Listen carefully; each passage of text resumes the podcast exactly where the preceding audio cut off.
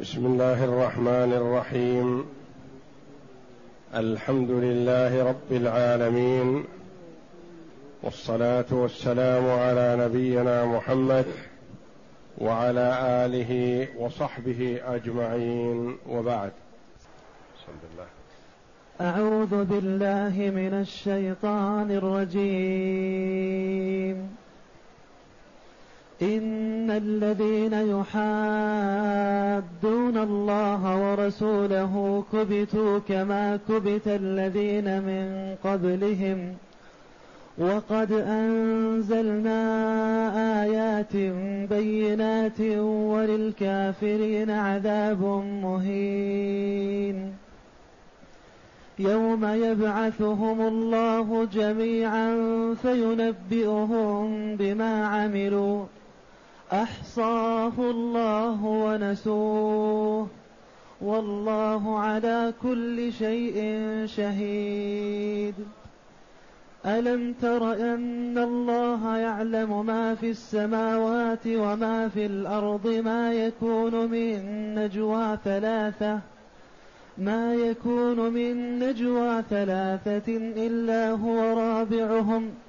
ولا خمسة إلا هو سادسهم ولا أدنى من ذلك ولا أكثر إلا هو معهم أينما كانوا. ثم ينبئهم بما عملوا يوم القيامة. إن الله بكل شيء عليم. هذه الآيات الكريمة من سورة المجادلة أو المجادلة. جاءت بعد بيان من الله سبحانه وتعالى في حكم الظهار وأنه منكر من القول وزور أن الرجل يشبه امرأته يشبه زوجته بأمه أو بغيرها من محارمه. هذا منكر من القول والزور وهو نوع من أنواع طلاق الجاهلية. ثم جعل الله جل وعلا الفرج والمخرج لمن وقع في مثل ذلك وبين سبحانه الكفارة لمن أراد أن يرجع ويعود إلى زوجته وهي عتق رقبة فإن لم يجد فصيام شهرين متتابعين فإن لم يستطع أطعم ستين مسكينا. يقول الله جل وعلا في هذه الآيات الكريمة إن الذين يحادون الله ورسوله كبتوا كما كبت الذين من قبلهم. وقد أنزلنا آيات بينات وللكافرين عذاب مهين. هذه الآية الكريمة وما بعدها نزلت بشارة للنبي صلى الله عليه وسلم والمؤمنين.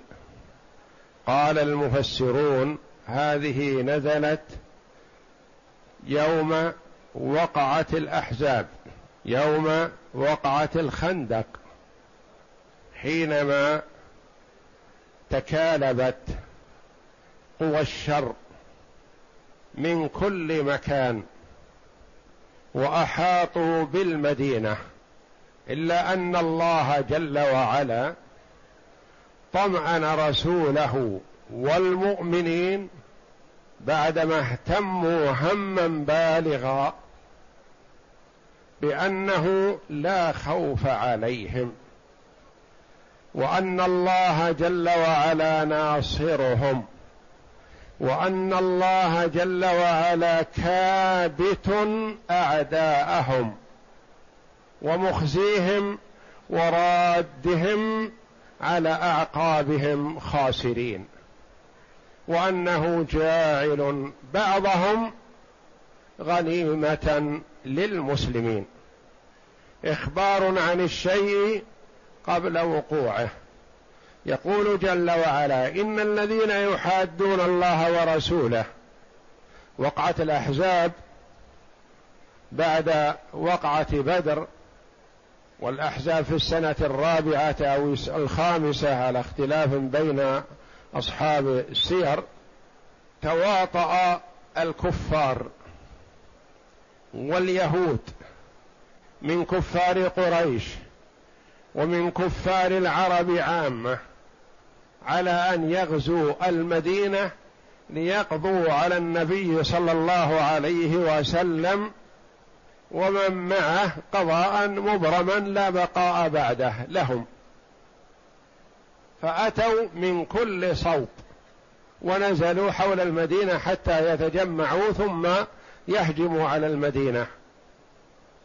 فاهتم لذلك النبي صلى الله عليه وسلم واهتم له المؤمنون وشمت ونافق من نافق من المنافقين وانقسم الناس في هذا الابتلاء والامتحان كما هي سنة الله جل وعلا في خلقه. انقسموا أقساما. قسم آمن بالله وبما جاء عن الله جل وعلا وصدقوا الله ورسوله وقسم كفر. ونافق وأظهر نفاقه والعياذ بالله. فالبلاء والامتحان للعباد مثل الاختبار في أيام الدراسة. هذا يأخذ الدرجة العالية في هذا الامتحان وهذا يخفق ويخرج مع الباب لا تعد إلى هذه هذه الدار مرة أخرى. وهم سواء في الامتحان. الورقة الامتحان لهذا وهذا.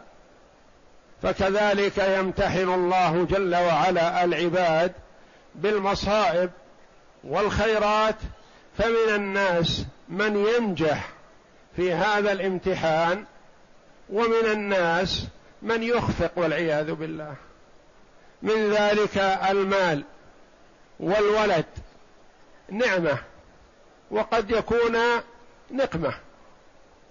الصحة والعافية والفراغ قد يكون نعمة للعبد وقد يكون نقمة والعياذ بالله بلية ومصيبة وخسارة المرض والفقر والحاجة قد يكون نعمة للعبد وقد يكون نقمة وخسارة في الدنيا والآخرة والعياذ بالله فلما تحزبت الأحزاب حول المدينة وأرادوا القضاء على النبي صلى الله عليه وسلم وأهل المدينة عموما من كان مؤمنا منهم.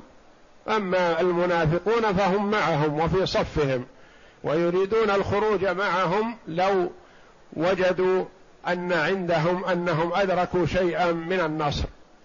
لكن الله جل وعلا خذل الجميع. ونصر رسوله محمدا صلى الله عليه وسلم والمؤمنين به.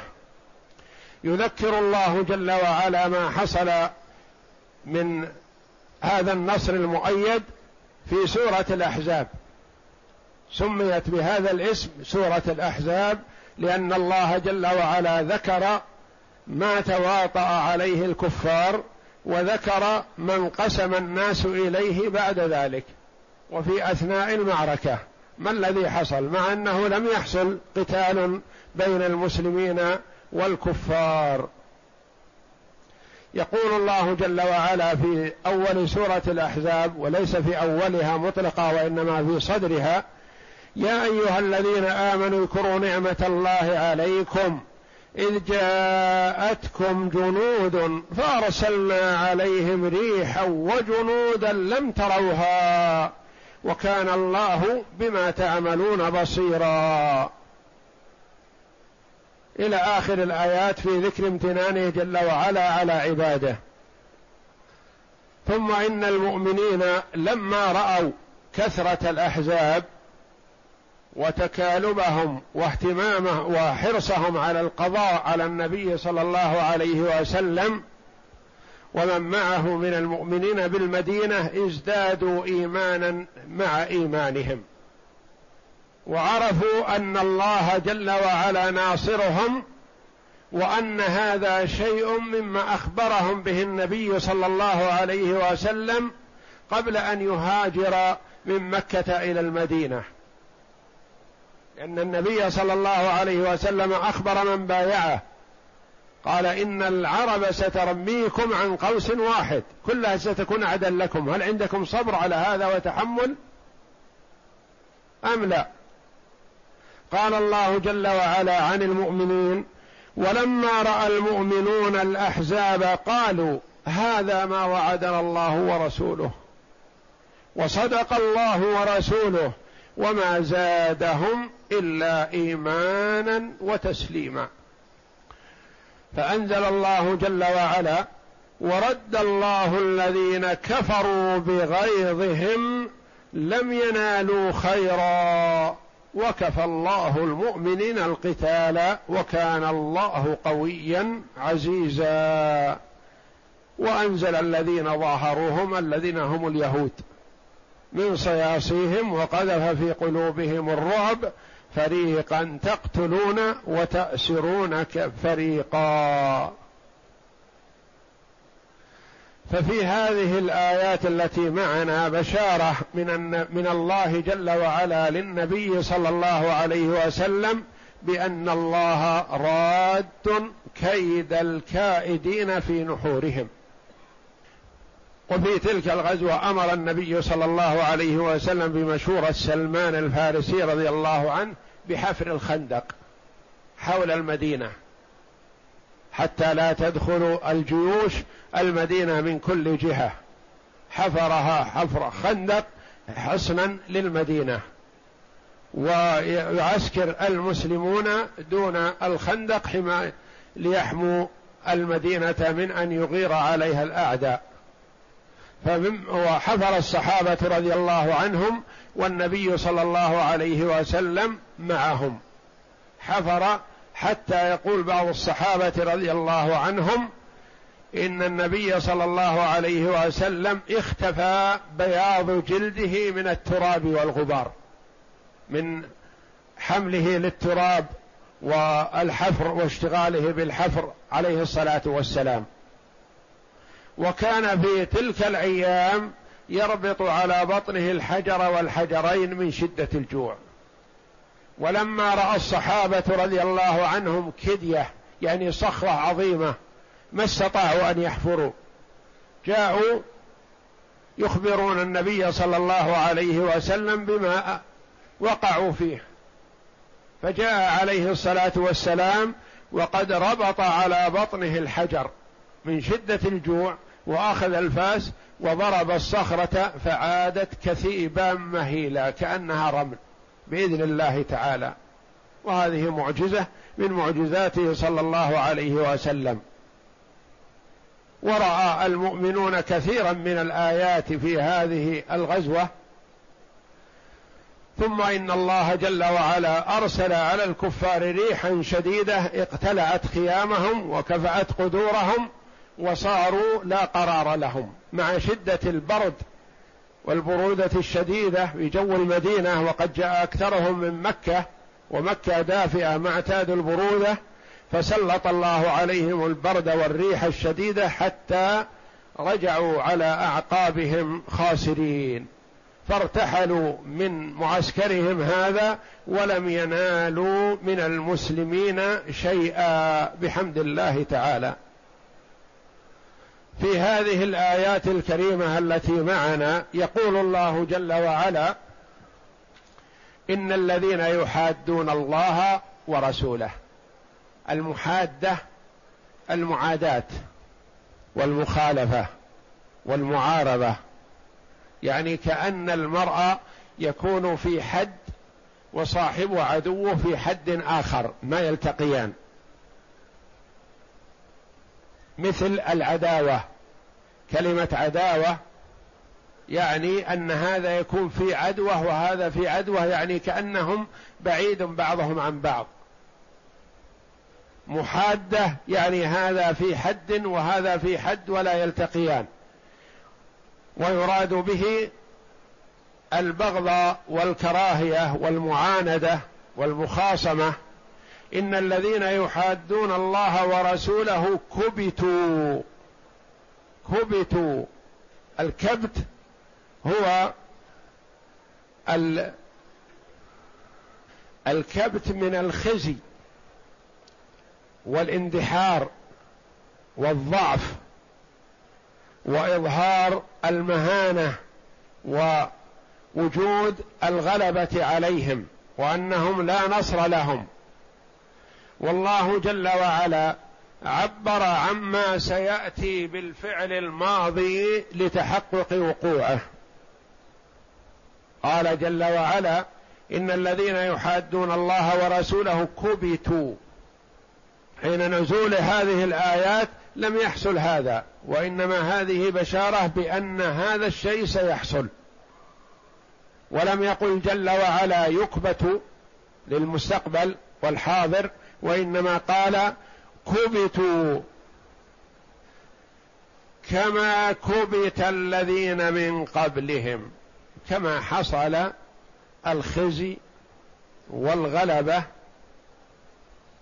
يغلبون كما غلب من قبلهم وكما حصل لهم أو لبعضهم مع غيرهم في وقعة بدر لأنهم جاءوا لبدر متيقنين النصر والغلبة وأنهم سيغلبون لأنهم عدد كبير والمسلمون عدد قليل والكفار معهم السلاح والعتاد وال والولائم كل يوم يذبحون ينحرون عشر من الإبل أو أكثر من ذلك أو أقل أحيانا ويأكلون ويشربون والنبي صلى الله عليه وسلم والصحابة معهم لا قوة معهم حسية وإنما معهم قوة الإيمان القوة المعنوية من الله جل وعلا. وكانت الثلاثة والأربعة يعتقبون البعير.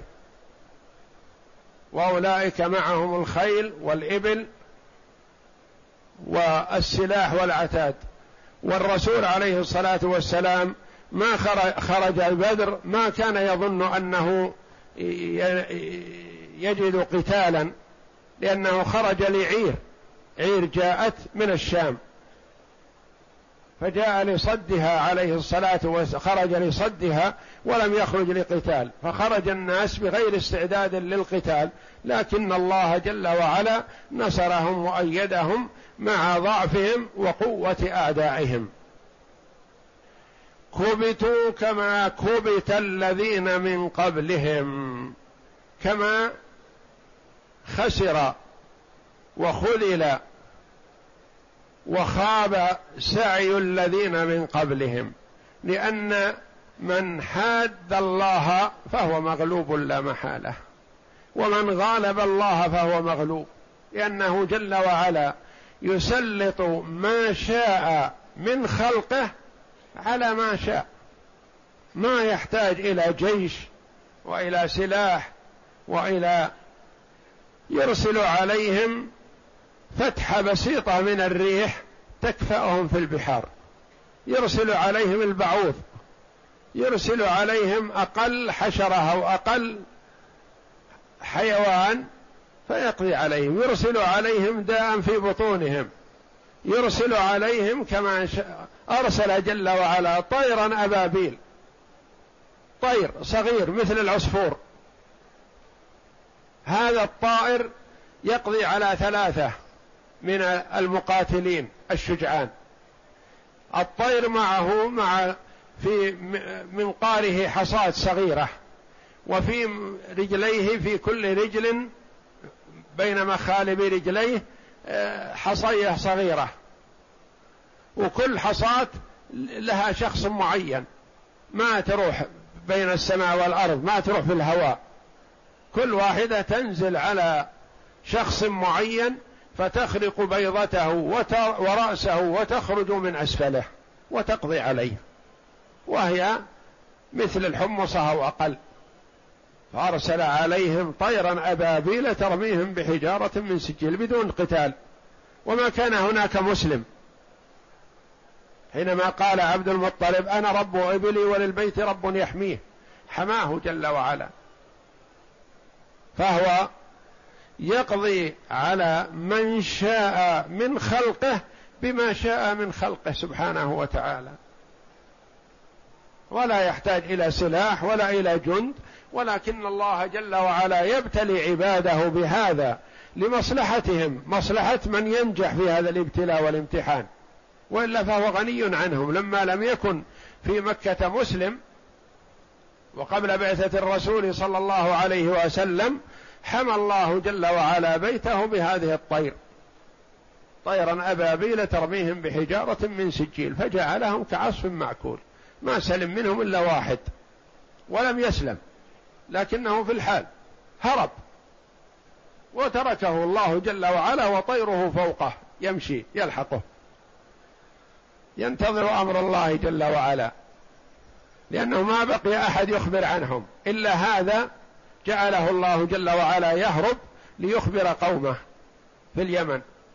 فلما وصل إلى اليمن وهو شارد واجتمع إليه الناس وأخبرهم بالخبر كأنهم يشاهدونه. وإذا بطيره يرمي عليه الحصاة كمن سبقه ويهلك في مكانه وهم ينظرون. فالله جل وعلا على كل شيء قدير. ومن حارب الله فهو مغلوب.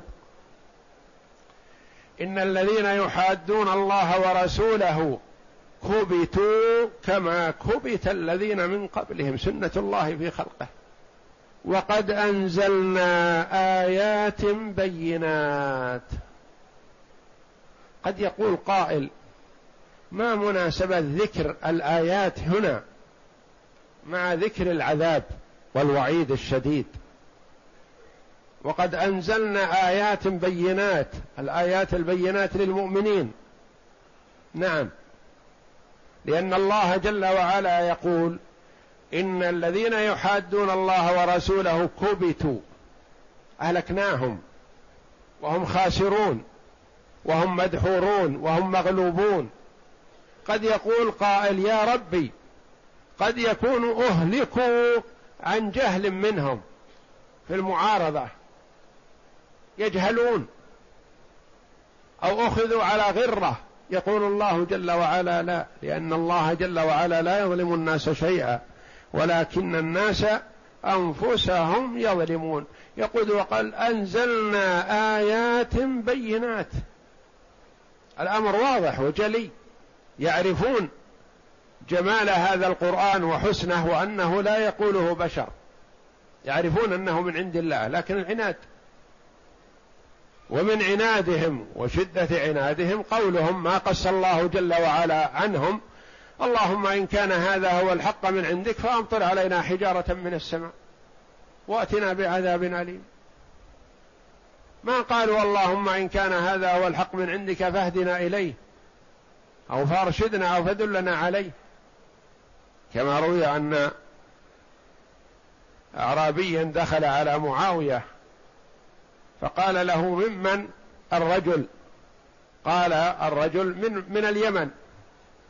قال ما أجهل قومك حينما قالوا اللهم باعد بين أسفارنا هم في نعمة والبلدان بينهم متجاورة ومتقاربة. ومع ذلك يسألون من جهلهم. قال ما أجهل من قومي إلا قومك. حينما قالوا اللهم إن كان هذا هو الحق من عندك فأمطر علينا حجارة من السماء. لو رشدوا لقالوا اللهم إن كان هذا هو الحق من عندك فاهدنا إليه. أو فوفقنا له.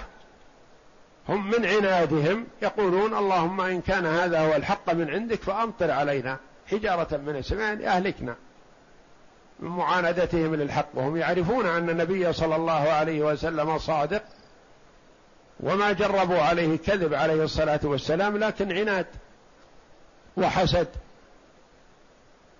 كبتوا كما كبت الذين من قبلهم وقد أنزلنا آيات بينات. آيات واضحة يعني لا يشك العاقل في صدق محمد صلى الله عليه وسلم. ولا يشك العاقل في أن هذا القرآن من عند الله لأن البشر ما يستطيع أن يأتوا بمثله. ولو كان من عند غير الله لوجدوا فيه اختلافا كثيرا. وللكافرين عذاب مهين. وللكافرين من أي أنواع الكفر؟ الواقفين في وجه الدعوة إلى الله جل وعلا. الصادين للناس عن الإيمان والإسلام. لهم عذاب مهين. قال جل وعلا مهين هنا لأنه يناسب أنهم ما صدوا وكفروا إلا تكبرا وعنادا وغمطا للناس واحتقارا لهم. فالله جل وعلا عاملهم على حسب ما يصدر منهم. هم صدر منهم الكبر والغطرسة قال العذاب يهينهم. لأن العذاب أحيانا يكون عذاب مثلا يؤلم الإنسان لكن في شيء من الشرف ومن رفعة الرأس. وأحيانا والعياذ بالله يكون مع شدة العذاب في احتقار وإهانة. وللكافرين عذاب مهين. جزاء لهم على تكبرهم عن الحق وهذا العذاب المهين في الدنيا والآخرة. والإهانة حصلت لهم في الدنيا بأن رجع من رجع منهم خائبا خاسرا.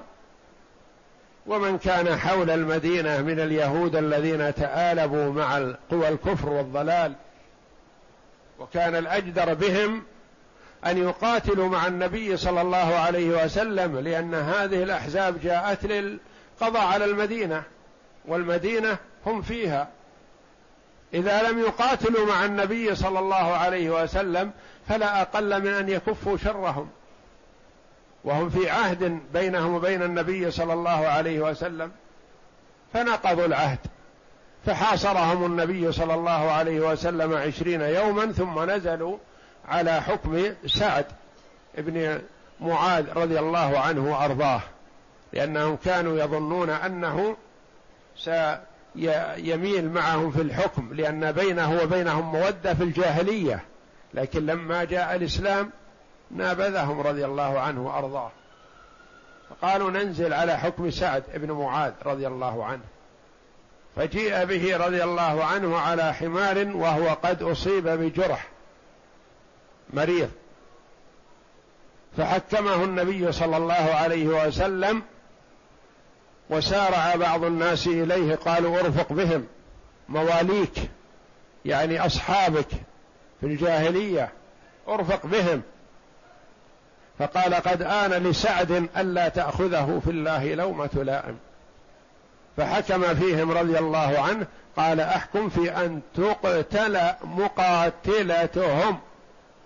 المقاتلون منهم يقتلون. وتسبى الذرية والنساء يكون غنيمة للمسلمين.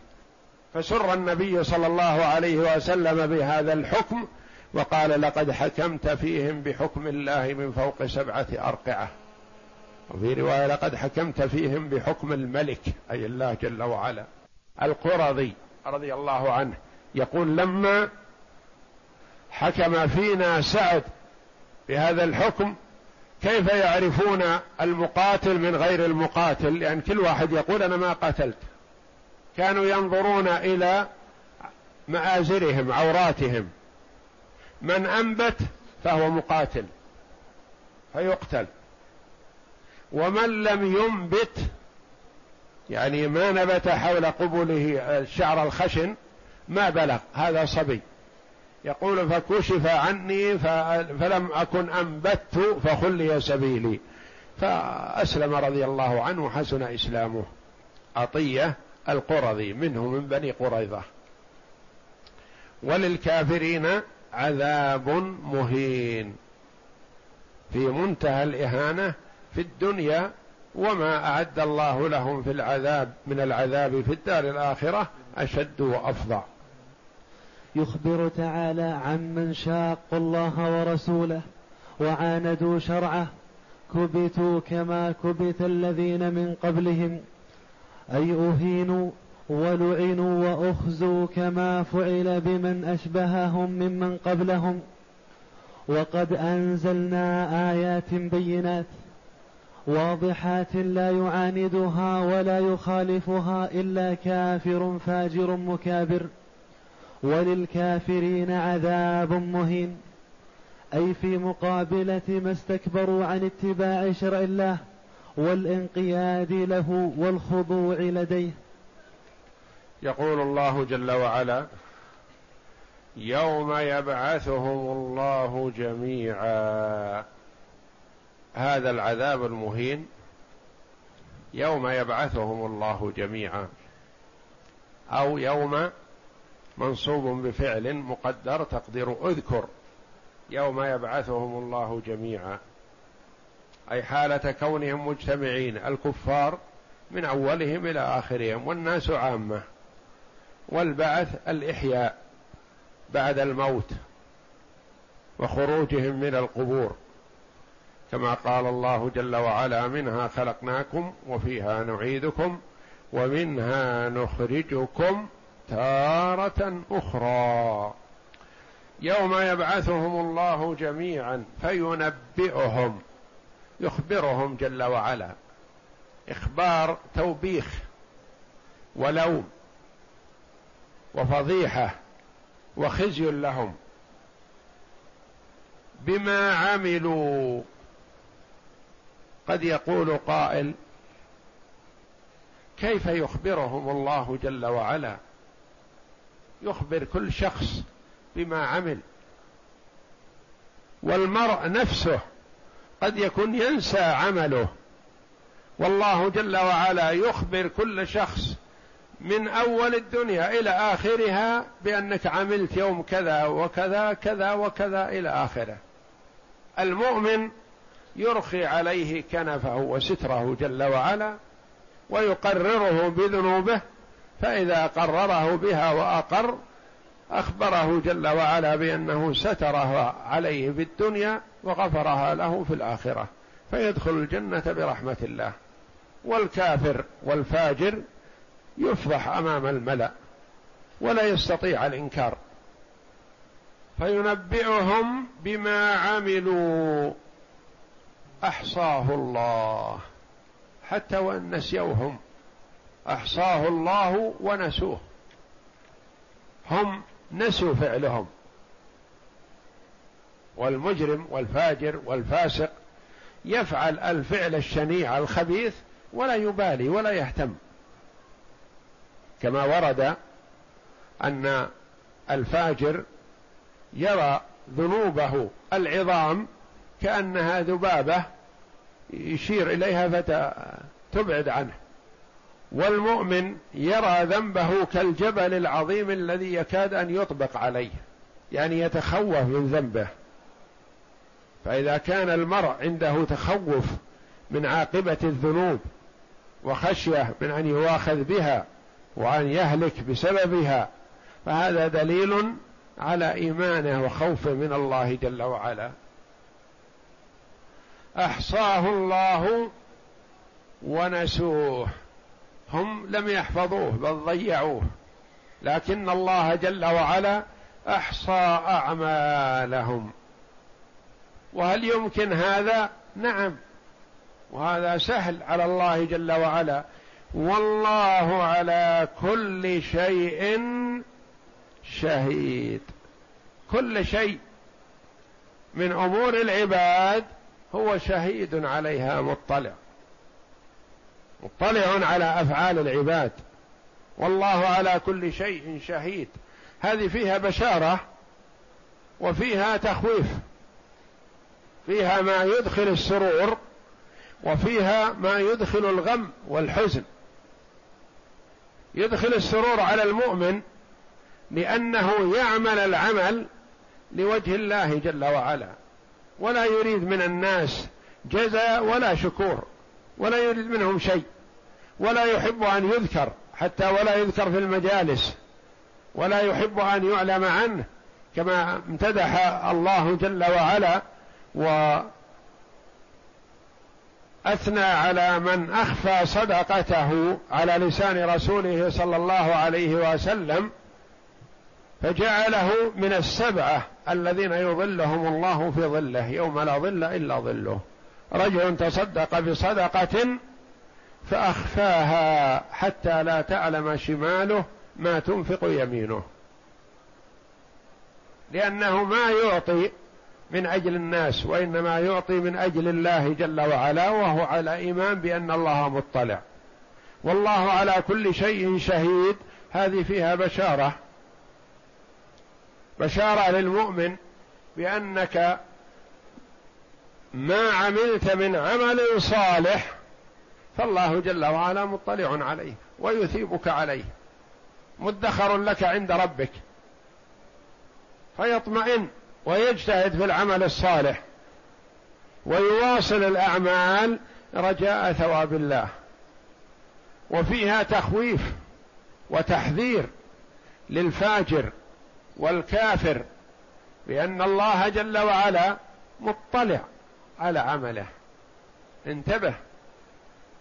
الله جل وعلا يراك ويرى أعمالك ويرى ما في قلبك وما تخطط له من الأعمال السيئة هو مطلع عليك. يعلم خائنة الأعين وما تخفي الصدور. ولقد خلقنا الإنسان ونعلم ما توسوس به نفسه. ونحن أقرب إليه من حبل الوريد. والله على كل شيء شهيد. تقرير لما سبق بأنه محصن على العباد أعمالهم لأنه مشاهد لها ومطلع عليها ولا تخفى عليه خافية من أعمالهم. والله جل وعلا لا ينسى ولا يغفل ولا ينام ولا تأخذه سنة ولا نعاس ولا أي نقص من النقائص جل وعلا.